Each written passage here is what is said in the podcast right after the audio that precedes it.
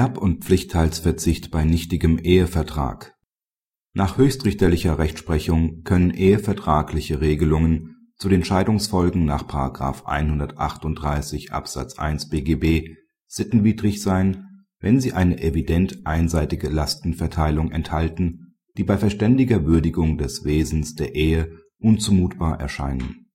Diese Sittenwidrigkeit kann auch einen Erb und Pflichtteilsverzicht infizieren ein Ehepaar vereinbart in einem Ehevertrag Gütertrennung, den Totalverzicht auf Unterhalt sowie einen Erb und Pflichtteilsverzicht.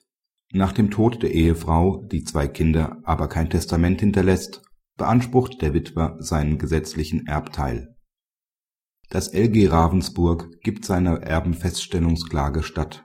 Das Gericht sieht im Ausschluss des Unterhalts wegen Krankheit und Alter einen gravierenden Eingriff in den Kernbereich des Scheidungsfolgenrechts denn dem Witwer wird für diese Fallkonstellation jeder gesetzliche Unterhaltsanspruch entzogen, ohne dass dies durch einen Erb oder Pflichtteilsanspruch kompensiert würde.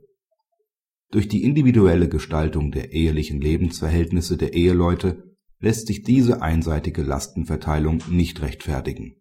Der Vertrag würde bei Annahme der Wirksamkeit dazu führen, dass der Witwer ohne jeden nachehelichen Schutz dastünde.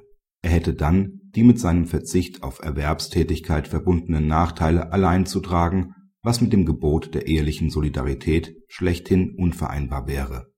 Nach Ansicht des LG ist auch der Erb und Pflichtteilsverzicht nach § 138 Absatz 1 BGB unwirksam.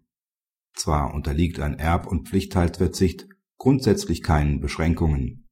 Der vorliegend im erbrechtlichen Teil des Ehevertrags vereinbarte Erb und Pflichtteilsverzicht hat jedoch die Konsequenz, dass der spezielle Unterhaltsanspruch nach § 1933 Satz 3 BGB für den Fall des Todes des Ehegatten nach Rechtshängigkeit eines Scheidungsantrags entfällt.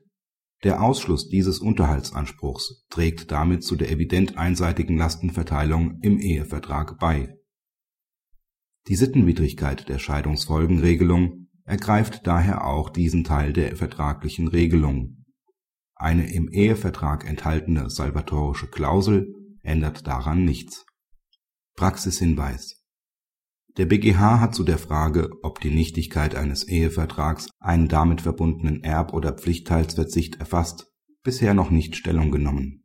Münch hält die Entscheidung des LG Ravensburg für so unzureichend begründet, dass das Urteil kein Maßstab sein könne